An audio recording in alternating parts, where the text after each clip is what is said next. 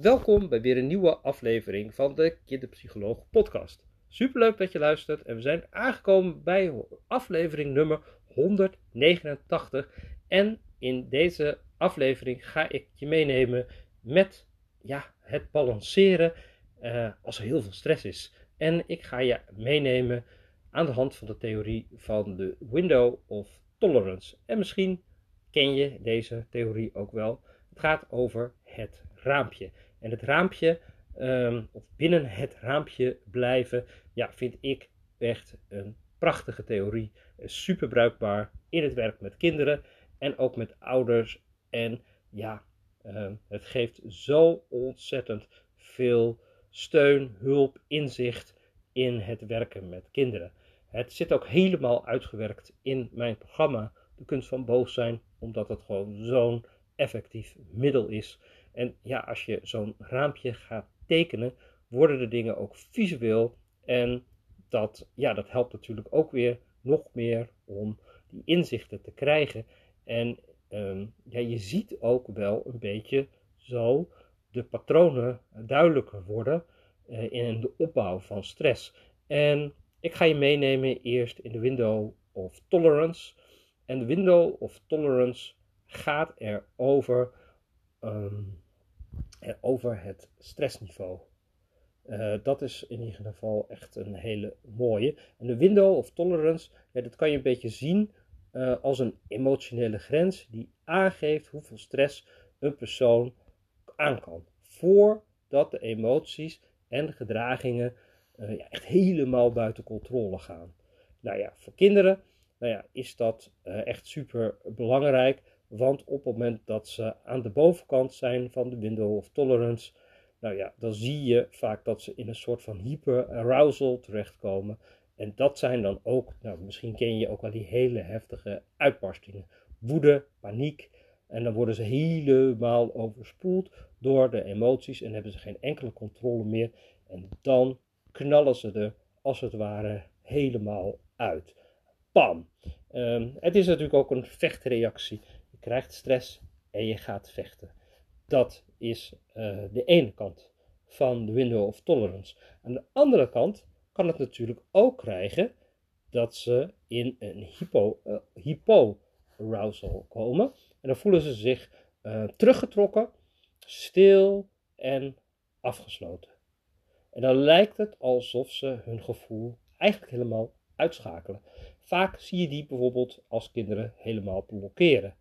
En je kan het ook zien als een manier van overleven. Dus het heeft ook echt een functie.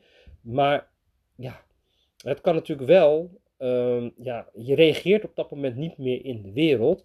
En wat je vaak ziet is, nou, er is wel stress uh, op dat moment, maar uh, je bent niet in levensgevaar op dat moment. Uh, dus het is een um, reactie die op dat moment eigenlijk te groot is. En vaak ehm, helemaal eigenlijk niet nodig. Maar kinderen schieten er wel in. En um, nou ja, dit is dus het gebied tussen die twee uitersten.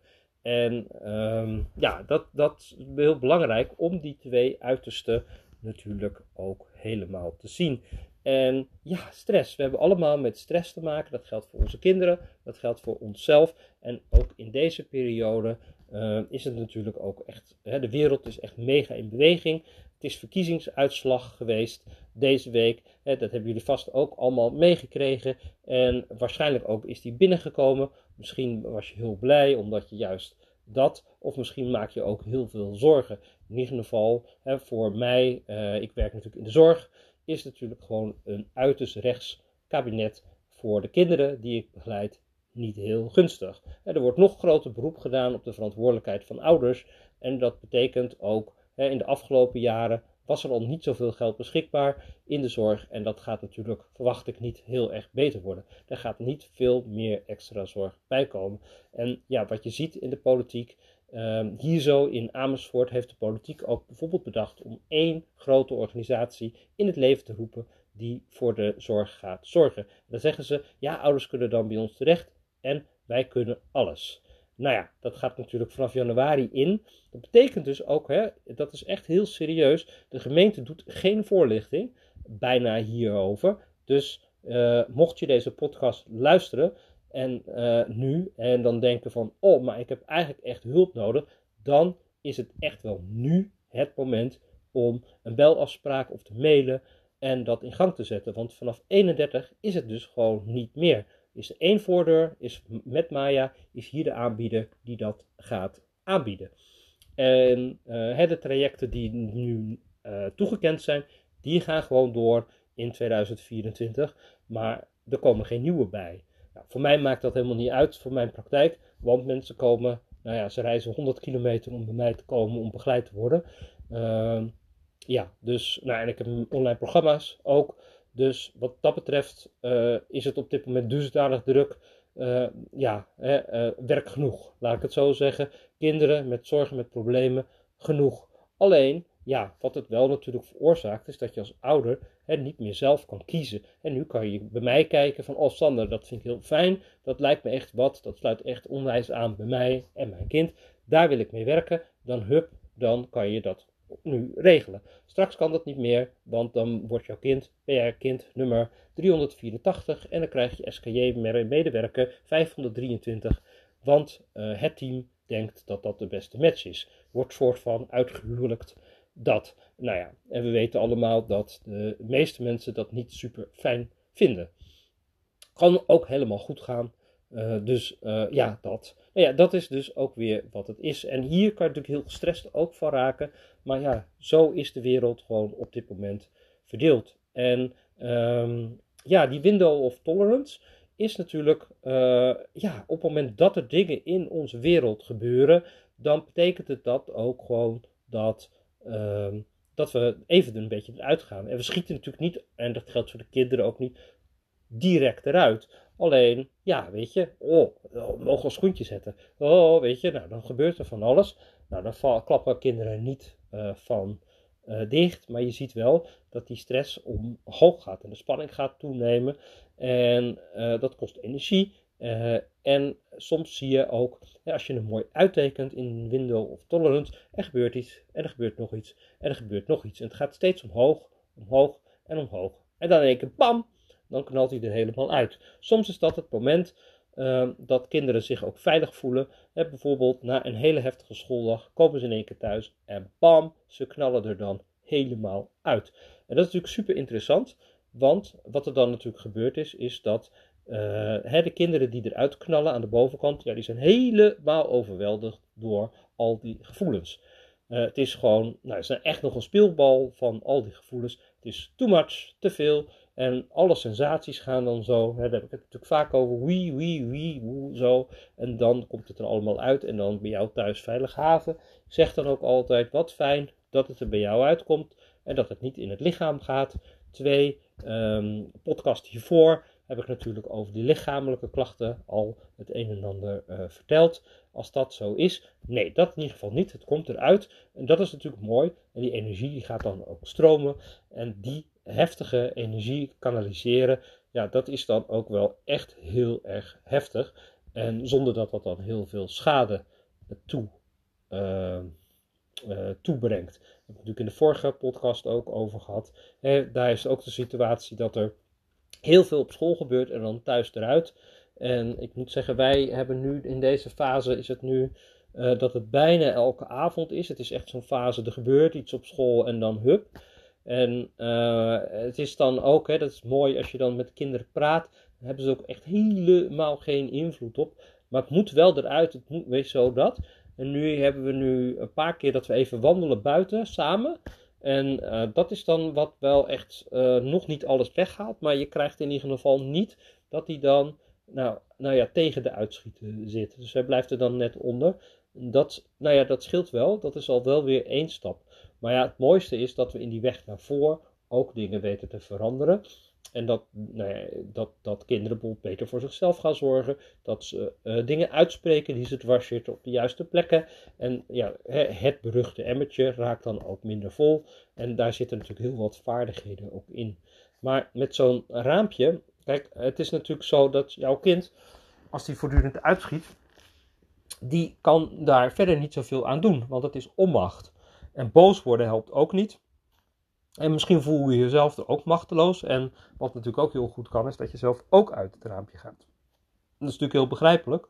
Uh, overkomt mij ook, overkomt ons allemaal zo nu en dan.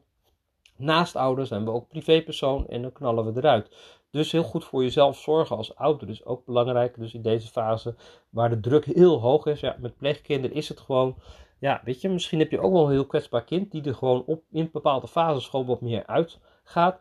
En um, ja, weet je, ik weet dat de aanpak goed is uh, die we hebben. Ik weet dat we uh, een aantal factoren nu niet kunnen veranderen. Uh, er is in deze fase gewoon wat meer stress. We kunnen wel hier en daar wel wat dingen uit het ritme halen, waardoor het minder heftig is. Maar ja, dat is wat we kunnen. En um, ja, verder kunnen wij wel zorgen dat ik ook uit mijn uh, werk ook een aantal dingen weghaal, zodat ik ook wat rust voor mezelf kan creëren, waardoor ik er beter in blijf. Hè, dus op die manier is het natuurlijk echt super mooi om um, dat raampje visueel te maken. En dat helpt ook weer in die patronen, uh, ja, om die patronen beter te herkennen. Um, ja, dus, en ik kan me voorstellen dat je nu zo zit te luisteren en denkt van, oh, het zou visueel gemaakt worden, uh, het zou ook heel fijn zijn. Ja, dat zit natuurlijk helemaal in mijn programma De Kunst van Boos zijn. Want daar zit natuurlijk dit, uh, dit hele stuk ook helemaal in uitgewerkt. Um, ja, aan de onderkant kan natuurlijk ook dat je kind echt helemaal dichtklapt. Um, sommige kinderen kruipen ook echt weg, gaan onder een deken zitten. En dat zijn de kinderen die een periode helemaal even niks willen. Nou, dan kan je natuurlijk nog steeds zeggen: Ik ben er voor je en uh, uh, ik zal je nu laten. Ik heb je gezien, ik weet dat je het lastig vindt. Dat, ja, die. En op een gegeven moment gaan kinderen er weer uitkomen. En dan kan je nou ja, op een gegeven moment het gesprek voeren. En soms komt het er ook later uit. Het gesprek kan je natuurlijk ook vele, vele malen later met kinderen voeren. Ook dat is natuurlijk gewoon helemaal prima. Um, dat. Um, deze stress gebeurt natuurlijk ook uh, op school. Als kinderen bijvoorbeeld aan het werk zijn, als het toetsen zijn. Uh, sommige kinderen hè, zetten een schild van boosheid op. Dat is interessant, want op school is het niet veilig genoeg om dat schild van boosheid vaak te doen. En dan zie je vaak die blokkeren, het, de blokkade, het naar binnen schieten, het um, terugtrekken, zie je dan veel meer op school uh, ontstaan. En eh, ja, en voor heel veel leerkrachten is dat naar binnen trekken van kinderen is um, misschien nog wel moeilijker dan die boosheid, omdat je dan echt geen verbinding krijgt met kinderen. En dat is natuurlijk dan ook echt lastig om ze er weer uit te krijgen. En ik heb in mijn challenge uh, praten met kinderen over gevoelens. Uh, heb ik daar ook zo'n prachtig voorbeeld in zitten. En uh, ik had toen ook zo'n jongetje. En op een gegeven moment, ik zei, vroeg iets. En hij triggerde daar echt volledig in. En er kwam niks meer uit. En dan heb je zo'n jongetje voor je wat niks meer zegt. Nou, dat is echt lastig. En op een gegeven moment, uh, ja, probeer ik dan uh, hè, de kinderen uit te denken. In het bewegen te krijgen. In het lichaam terug te krijgen. en ik had bijvoorbeeld, nou welk spel gaan we doen? Dan is het nog wel een keuze, dat is ook nog wel eens lastig. Uh, soms pak ik ook gewoon een spel en dan zeg ik: Wil je wit of zwart? Weet je zo. En dan trek ik ze op die manier eruit. Uh, en eentje waarbij uh, kinderen ja, gewoon weer heel even iets gaan zeggen. En dan komt, die, um, ja, dan komt het ademen ook weer op gang. Dan gaan ze nog meer zeggen. En dan ga ik gewoon, ja, dan ga je vanuit daaruit door. En dan ga ik niet terugvragen meer naar wat er gebeurde, maar dan ga ik juist schakelen. Het is natuurlijk wel echt super interessant om uh, uit te zoeken van wat je te doen hebt om een kind eruit te halen. En in ieder geval terugbrengen in het lichaam. Want die gedachten van kinderen, ja, die helpen niet. Kinderen zitten ook vaak helemaal, er zit vaak blokkade op de keel. ja, die doen is dan een beetje kuchen. Wil soms ook wel helpen, maar de adem naar beneden brengen is dan ook echt een super belangrijke. Ja, ja, en welke handvatten kan ik jou meegeven? En dan zou ik zeggen, ga die uh, uh, dat window of tolerance van je kind herkennen. Want dat is al de eerste stap om te doen. Gewoon observeren naar de signalen. Het zijn vaak hele kleine signalen. Je ziet het aankomen. Je ziet kinderen al wat geïrriteerder, of je ziet de stress, of je ziet al wat beweging, uh, wat onrust. Wat zijn de signalen van jouw kind? Je kan ze misschien zelfs even de podcast stopzetten. Dan schrijft hij gewoon eventjes op. Want dat is gewoon al heel erg mooi. Want jij bent als eerste aanzet op het moment dat je kind het nog niet kan.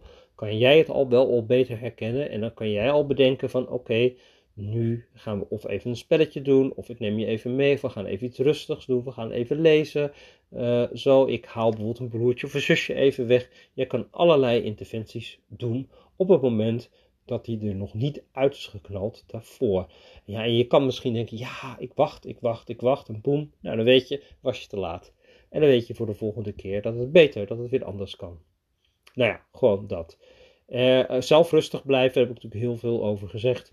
Je daar meer over wil weten, dan is dat natuurlijk ook uh, super belangrijk om, of althans, er zijn heel veel andere podcasts over hoe ik je dat kan uh, doen. Ehm, ook voor jezelf ademhaling is natuurlijk ook belangrijk. In de masterclass boosheid vertel ik daar natuurlijk ook enorm veel over. Uh, dus dat is ook een hele waardevolle om die een keer te doen. Ook in mijn e-book praat met kinderen over gevoelens, maar ook in het e-book boos geef ik hier handvatten in. En dan kan je daarin ook verder. Ehm, ja, kunst van boos zijn, ja, dan gaan we gewoon helemaal een stappenplan maken. Dus dat is dan echt super handig om die te doen.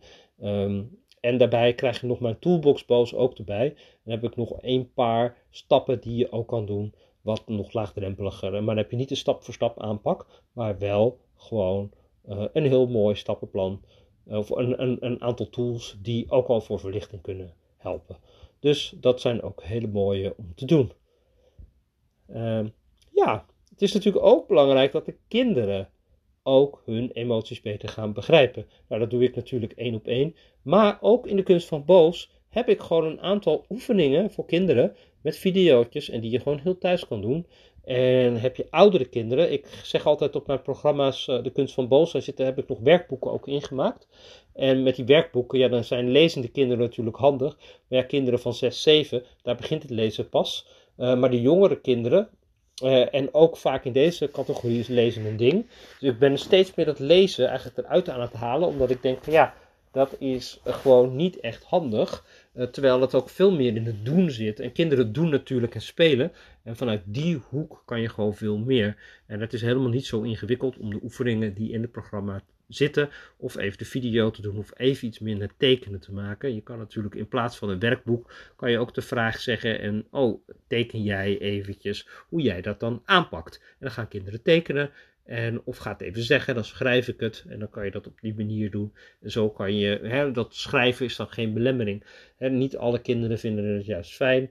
Uh, om werkboeken te hebben, dat is ook zo heel schoolsgericht. Dus ik, uh, in mijn latere programma's in de toolbox zit dat helemaal niet meer omdat ik dat gewoon um, ja, niet echt lekker vind werken voor uh, kinderen. Terwijl op het moment dat ze gewoon een tekening maken of uh, ik maak ook vaak werkbladen die je samen kan maken. En dan begin je gewoon wat te tekenen en dan geef ik je dan ook wat tips op. En dan gaat je kind verder. En het leuke is ook gewoon, hè, dan komen ook de dingen vanuit de wereld van het kind erin. En ja, voorgesorteerde bladeren, ja, daar zit al van alles op. En dat is allemaal al uh, gestuurd. En ik heb liever gewoon uh, dat kinderen op hun eigen manier, dat jij samen met jouw kind een manier kan vinden. Dus dat vind ik veel fijner. Maar goed, kunst van boos zijn is natuurlijk wel een super waardevol stappenplan. En wat mooi is, we gaan ook meten. Uh, want je gaat meten op hoe vaak komen die boze buien voor? Hoe lang duren ze en hoe heftig zijn ze? Dat zijn ook drie belangrijke punten om die goed door te meten.